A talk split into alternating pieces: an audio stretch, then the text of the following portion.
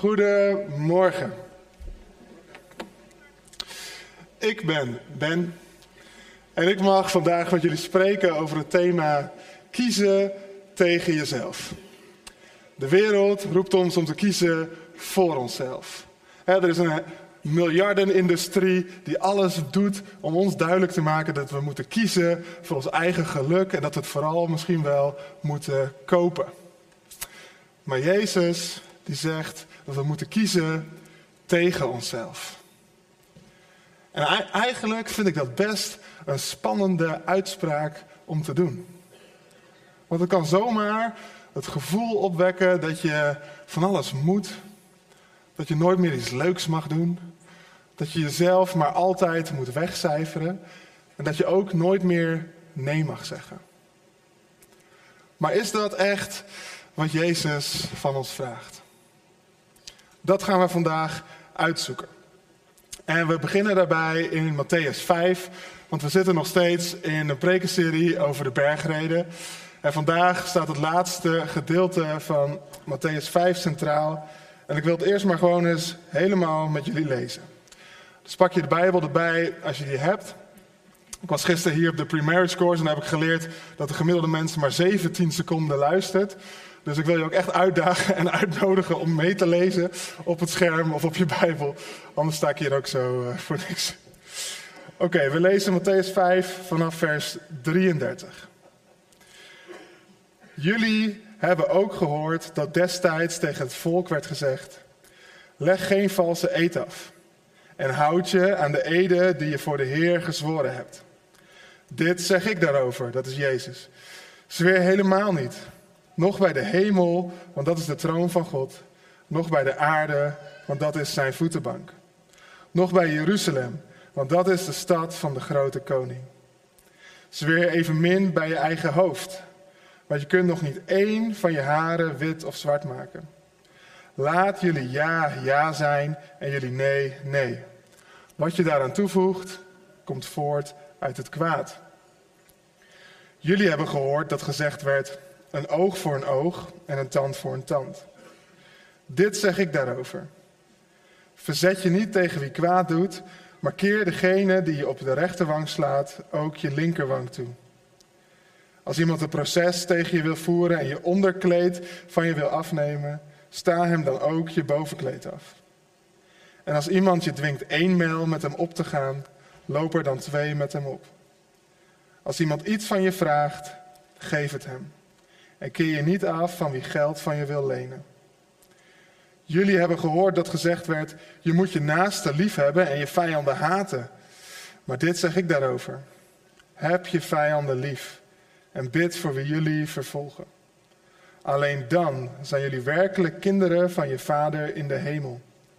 Hij laat zijn zon immers opgaan over goede en slechte mensen en laat het regenen over rechtvaardigen en onrechtvaardigen. Is het verdienste als je lief hebt wie jou lief heeft? Doen de tollenaars niet net zo? En als jullie alleen je broeders en zusters vriendelijk bejegenen, wat voor uitzonderlijks doe je dan? Doen de heidenen niet net zo? Wees dus volmaakt, zoals jullie hemelse Vader volmaakt is. Tot zover. Nou, als je dit onderwijs van Jezus zo hoort, ja, dan kun je zomaar het gevoel krijgen dat je inderdaad van alles moet. Je moet de waarheid spreken, twee mijl oplopen in plaats van één. Je moet je rechterwang toekeren. Je moet uh, je onderkleed afgeven, wat dat ook maar betekent. Je moet je vijanden lief hebben. Oh ja, en, dat, en één zo'n klein zinnetje aan het eind. Je moet ook volmaakt zijn, zoals je hemelse vader volmaakt is. Nou, dat is nogal een to-do-lijst. Het kan zomaar zijn dat je denkt, ik word al moe bij het idee. Hoe doen we dat dan? Nou, je merkt misschien al wel aan mijn toon dat ik niet denk dat dat is wat Jezus van ons vraagt. Jezus zegt dit niet om ons nog meer van die latjes voor te houden. Weet je wel, die Roelof twee weken geleden bij zich had. Die latjes waar iedereen overheen moet springen. Nee, hij komt met deze boodschap om de mensen en ons een spiegel voor te houden. Hij wil duidelijk maken, de wet gaat niet om hoe kan ik met zo min mogelijk moeite gered worden. Dat is wat de fariseeën ervan gemaakt hadden. En Jezus wil laten zien, de wet gaat erom hoe kan ik mijn naaste liefhebben als mezelf en God boven alles. Dat is wat hij duidelijk wil maken. En al die praktische voorbeelden waar we dan over lezen, ja, die hoeven we dan ook niet letterlijk na te volgen. Ik denk niet dat een van ons ooit heeft meegemaakt dat iemand onze onderbroek van ons vroeg. Of dat hij vroeg dat we een tweede mijl meelopen. Nee, het gaat niet zo eens zozeer om wat we doen. Het gaat om wat we zijn. Ik gericht of God gericht. En het punt dat Jezus hier wil maken is dat we niet zo gericht op onszelf moeten zijn. We moeten helemaal loskomen van die voortdurende neiging om altijd onze eigen belangen voor ogen te hebben. Om altijd zo in de verdediging te schieten als ook maar iets ons dreigt te raken. Om altijd maar ons eigen hachje te redden, ons eigen geluk na te jagen. Dat moet allemaal verdwijnen.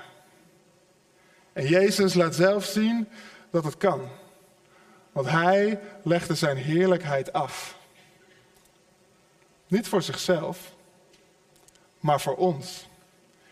Jezus stierf letterlijk aan zichzelf, aan het kruis. En dat deed hij, zo zegt Paulus dat in 2 Korinthe 5, vers 15, opdat de levenden, dat zijn wij met z'n allen, niet langer voor zichzelf zouden leven, maar voor Hem, die voor de levenden is gestorven en is opgewekt.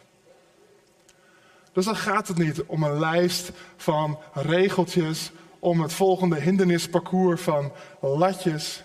Nee, het gaat om het volgen van Jezus zelf. Want Jezus is de vervulling van de wet. Hij is de weg, de waarheid en het leven. En hij wil ons een leven geven in volheid. Dus kiezen tegen jezelf betekent kiezen voor Jezus. Hem volgen in alles wat je doet. Dat is wat het betekent om te kiezen tegen jezelf en alleen dan zijn we volmaakt. Zoals onze hemelse Vader volmaakt is. Oké, duidelijk? Mooi. Succes, zou ik zeggen. Succes en volgende week zien we elkaar in de community. Dan hoor ik graag of het gelukt is om volmaakt te zijn, zoals je hemelse Vader volmaakt is. Nee, ik zal, uh, ik zal niet daar stoppen. Ik zal proberen het nog iets praktischer te maken. En uh, daardoor heb ik gekeken naar het leven van Jezus zelf. Want hij leefde hier op aarde als volledig mens en volledig God. En ik kwam op drie lessen. Dat is altijd mooi. En die wil ik met jullie langslopen. Drie lessen uit het dagelijks leven van Jezus. Drie manieren waarop Jezus kiest tegen zichzelf.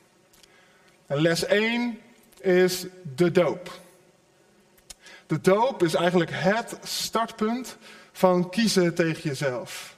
Want in de doop leg je je oude leven af in dat watergraf en sta je op met Jezus als nieuwe schepping. Als geliefde zoon of dochter van God. En de bediening van Jezus begint ook met de doop.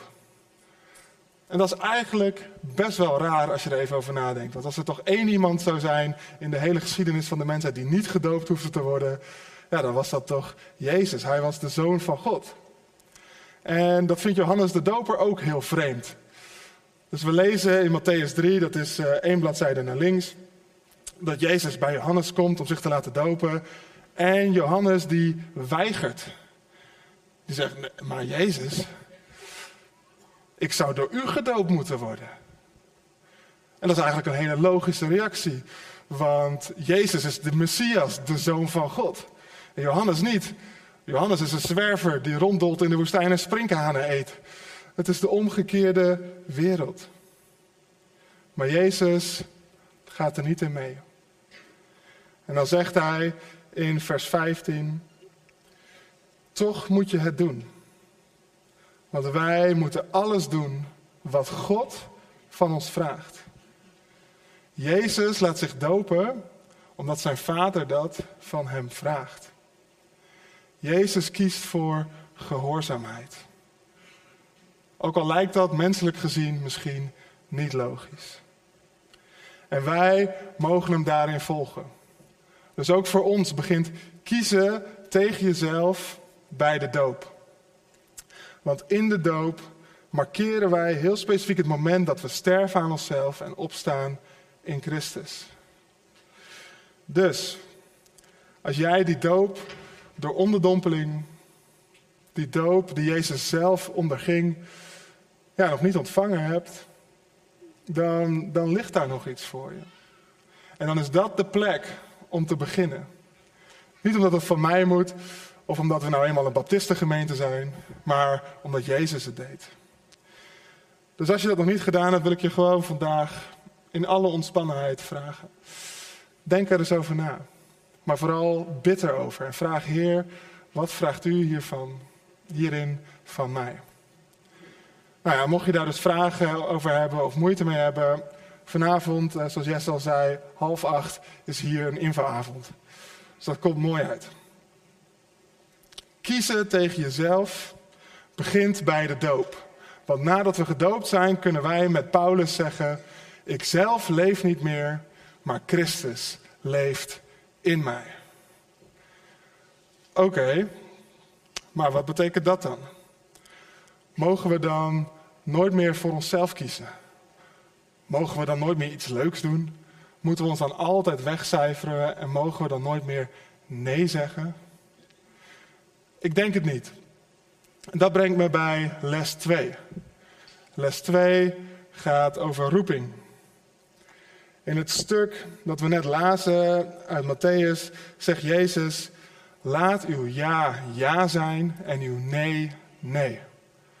Wat je daar aan toevoegt, komt voort uit het kwaad. Nou, volgens mij betekent dat in ieder geval dat we nog steeds nee mogen zeggen. Want als Jezus het mag, dan mogen wij het ook. Dus dat is vast goed nieuws. Maar deze uitspraak van Jezus gaat natuurlijk veel verder dan dat.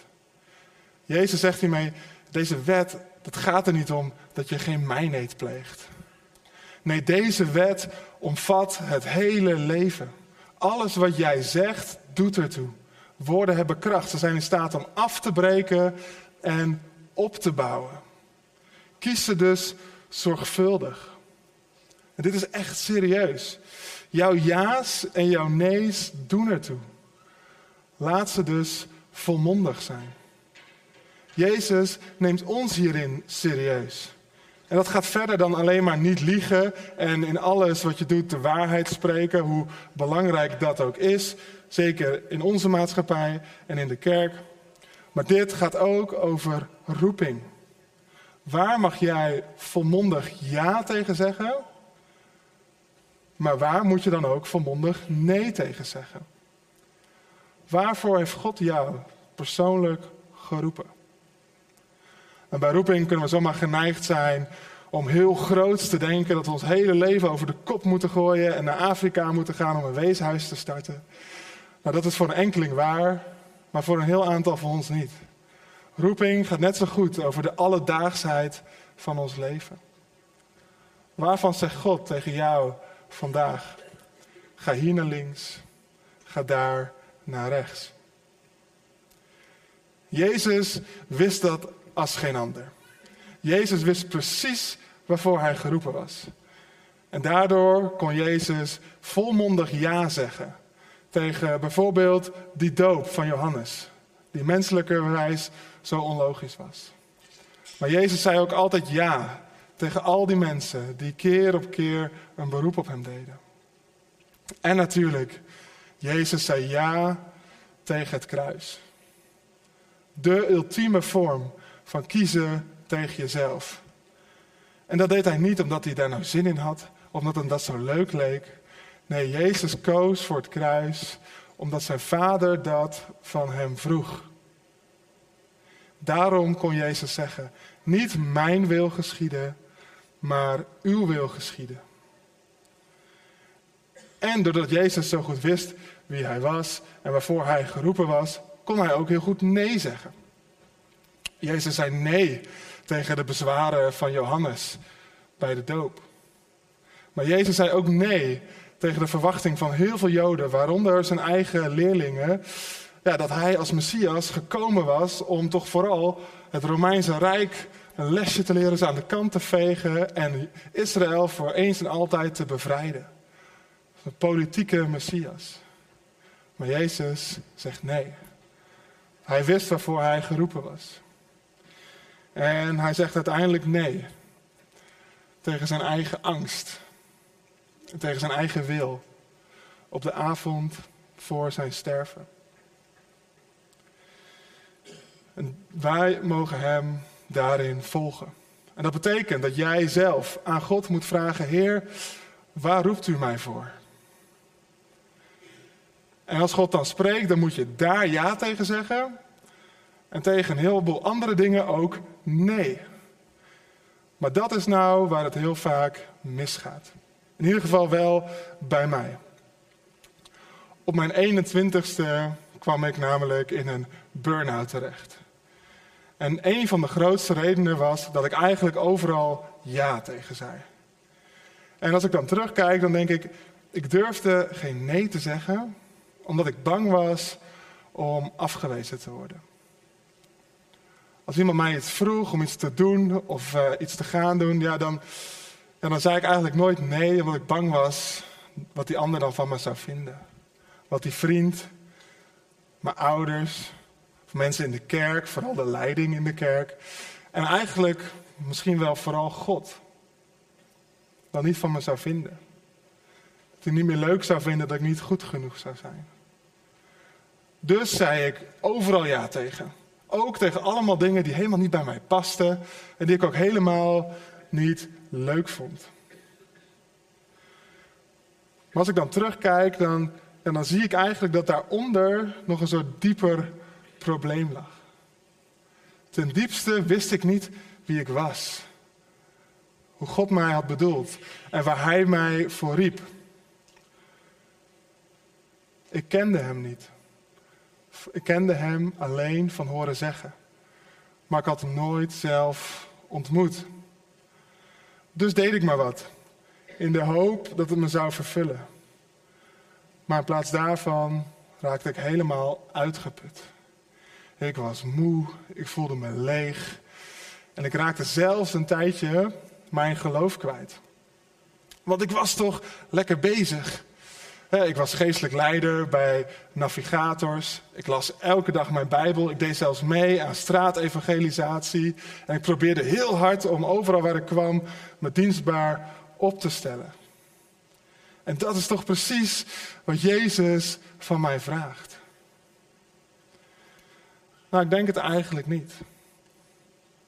Want ik deed wel van alles voor God. Maar ik kende hem eigenlijk amper. Ik vroeg nooit, Heer, wat wilt u eigenlijk dat ik doe? En daar had ik ook helemaal geen tijd voor, want ik was veel te druk met al die dingen waar ik al lang zelf ja tegen had gezegd. En eigenlijk was dat niet kiezen tegen mezelf, maar kiezen voor mezelf. Want in al mijn dienstbaarheid was ik er alleen op gericht dat ik me goed voelde. Dat ik gezien werd. Dat mensen mij goed zouden vinden. Dat ik belangrijk was. En bovenal natuurlijk dat God mij vooral heel goed zou vinden. Maar zo werkt het niet. En dat is ook helemaal niet wat Jezus van ons vraagt. En om dat even duidelijk te maken, moet ik het even hebben over het verschil tussen dienen en pleasen. Pleasen is ja zeggen tegen iets uit angst om anders afgewezen te worden. En pleasen is ten diepste gericht op jezelf. Want jij wil je goed voelen en jij wil dat anderen goed over jou denken en praten. Het dienen is haast het tegenovergestelde. Dienen is ja zeggen omdat je zo vervuld bent met Gods liefde dat je niks anders kunt dan daarvan uitdelen. En Jezus roept ons niet om te pleasen, maar om te dienen. Uit liefde. En dat kan alleen als je zelf een vertrouwelijke omgang hebt met God. En dat is ook precies wat Jezus ons laat zien. En dat brengt mij bij de derde les. Les 3 gaat over de eenzame plaats. We lezen in Lucas 5, vers 16. Jezus trok zich geregeld terug op eenzame plaatsen om er te bidden. En in Marcus 1 wordt beschreven hoe Jezus tot diep in de nacht, tot s'avonds laat, uh, bezig is met het genezen van zieken en het uitdrijven van demonen. En ik weet niet of je daar zelf wel eens mee bezig, hebt maar, uh, bezig bent geweest, maar daar kun je heel moe van worden. Maar wat doet Jezus dan? Hij gaat niet uitslapen, neemt geen voetenbadje. Nee, dan staat er in vers 35. Vroeg in de ochtend, toen het nog helemaal donker was, stond Jezus op, ging naar buiten en liep naar een eenzame plek om daar te bidden. Dat is wat Jezus voortdurend deed. En dat lees je dan zo wel eens tussen de regels door. Maar ik had me dat nooit echt zo beseft. Totdat Linda en ik The Chosen gingen kijken. Ik weet niet of er meerdere mensen zijn die het gezien hebben. Ik vind het een fantastische serie. Hij is nog vrij nieuw over het leven van Jezus en eigenlijk vooral over zijn discipelen. En wat hun roeping met hen doet. Maar het grappige is, Jezus is de helft van de tijd niet eens bij de groep. In een serie over het leven van Jezus is Jezus de helft van de tijd niet in beeld. Want wat zie je iedere keer dat hij weer een groot optreden heeft gegeven, dat hij bijvoorbeeld zijn bergreden heeft gehouden, of dat hij zieken heeft genezen, mensen heeft gezien en gesproken, ja, dan trekt hij zich daarna een tijdje terug. Dan is Jezus een paar dagen van de radar om te bidden. Dan gaat hij naar die eenzame plaats om gewoon lekker alleen met zijn vader te zijn. En je ziet dan heel grappig in die groep dat het ook wel wat irritatie oproept onder zijn discipelen. Want dat is nogal een zooitje ongeregeld als je dat soms ziet. En er ontstaan meningsverschillen. En ze hebben Jezus daar nodig. Want ja, dat is toch onze rabbi. Hij zou ons nu aan het leren moeten zijn hoe dit allemaal werkt. Hoe dit allemaal moet. Maar Jezus maakt zich daar niet zo druk over. Hij weet waar hij moet zijn. Dus hij trekt zich terug naar die eenzame plaats bij zijn vader. Om daar te bidden. Daar ontvangt hij kracht. En daar vandaan komt hij dan weer terug ja, met nieuwe energie, nieuwe visie over wie hij is, waarvoor hij geroepen is. En volgens mij is het essentieel dat we juist op dit punt Jezus navolgen. Want tijd alleen met de Vader is echt onmisbaar als wij willen kunnen kiezen tegen onszelf. Te midden van deze wereld die juist schreeuwt dat we moeten kiezen voor onszelf. We hebben stilte en afzondering nodig om zicht te krijgen wie wij zijn en waar God ons voor roept. Nou, ik ben nu zelf een tijdje bezig met bewust die stilte opzoeken. Maar man, wat valt het mij zwaar, ik zal eerlijk zijn. Ik kan de stilte echt zo slecht verdragen. Mijn hele hoofd schreeuwt om prikkels. En de hele dag vul ik ook alle ruimte om me heen met, ja, met ruis, met schermpjes, met allemaal ja, stemmen die op een of andere manier een beroep op mij doen. En het stomme is nog dat ik het 90% van de tijd zelf opzoek. Maar ik merk echt dat het mij in de weg staat voor mijn relatie met God. En het verstaan van zijn stem. Dus ik heb in oktober heel bewust besloten, ik kom in verzet tegen mezelf. Ik kies tegen mezelf en ik ga me geregeld terugtrekken om in stilte te zijn bij God. En man, wat vind ik dat lastig. Maar ik merk nu al dat het onmisbaar is als ik staande wil blijven in deze wereld. En als ik echt wil kunnen kiezen tegen mezelf. En dat is niet gek. Want als Jezus het al nodig had, des te meer wij. Oké, nogmaals. Kiezen tegen jezelf. Het gaat niet om het volgen van de latjes, het lijstje met regels. Nee, kiezen tegen jezelf is kiezen voor Jezus. Hem volgen in alles wat je doet. En dat begint bij de doop. En daarna mag je volmondig ja zeggen tegen hetgeen waar God jou voor roept. Maar dan moet je dus ook nee zeggen tegen andere dingen. Wetende dat jouw nee iemand anders ja is. Dat is hoe het werkt om één lichaam te zijn met verschillende leden.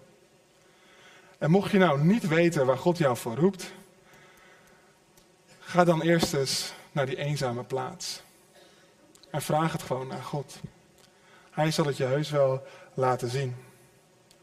En ga dan op weg. En sloof je niet uit. Er is gebakken lucht genoeg. Maar wees trouw in het kleine. En als je dan onderweg bent, vergeet dan vooral niet om je regelmatig terug te trekken. Om naar die eenzame plaats te gaan. Om er te bidden. Net als Jezus deed. Want uiteindelijk is dat de allerbelangrijkste plek om iedere keer weer gevonden te worden. Amen. Ik wil jullie vragen om te gaan staan. Dan ga ik met jullie bidden. Voordat ik ga bidden, wil ik een uh, uitnodiging doen. Ik wil je eigenlijk uitnodigen namens God. Volgens mij wil God vandaag tegen jou zeggen: Geliefde zoon, geliefde dochter, wil jij mij deze week ontmoeten op een eenzame plaats? Nou, een aantal praktisch denkende mensen denken nu misschien, wat is dat dan, zo'n eenzame plaats? Nou, ik zal nog kort een paar richtlijnen meegeven. In principe is dat tussen jou en God. Het zal er voor iedereen anders uitzien, maar ik denk, het is een plek waar het in ieder geval stil is, waar je alleen bent en waar in ieder geval niet je smartphone is. Ga daar naartoe. Bouw hem deze week nog in. En dan hoef je verder niks te doen. Je hoeft niks te zeggen. Je hoeft alleen maar te zijn bij je hemelse Vader. Het zal je leven veranderen. Laten we bidden. Ja, grote God, Almachtige Vader, Koning Jezus. Ik ben zo dankbaar voor uw woord. Dat wij vandaag de dag mogen weten wat het betekent om volgeling van u te zijn.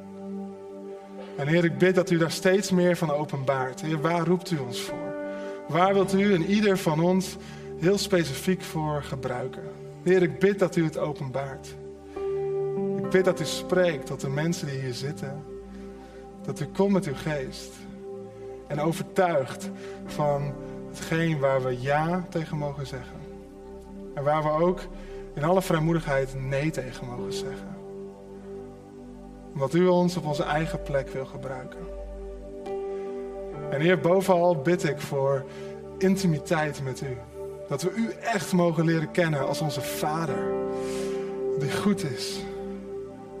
En ons op het oog heeft.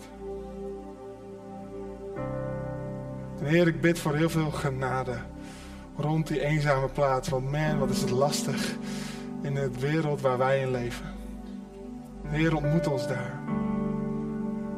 En omarm ons. Neem ons mee naar uw vaderhart.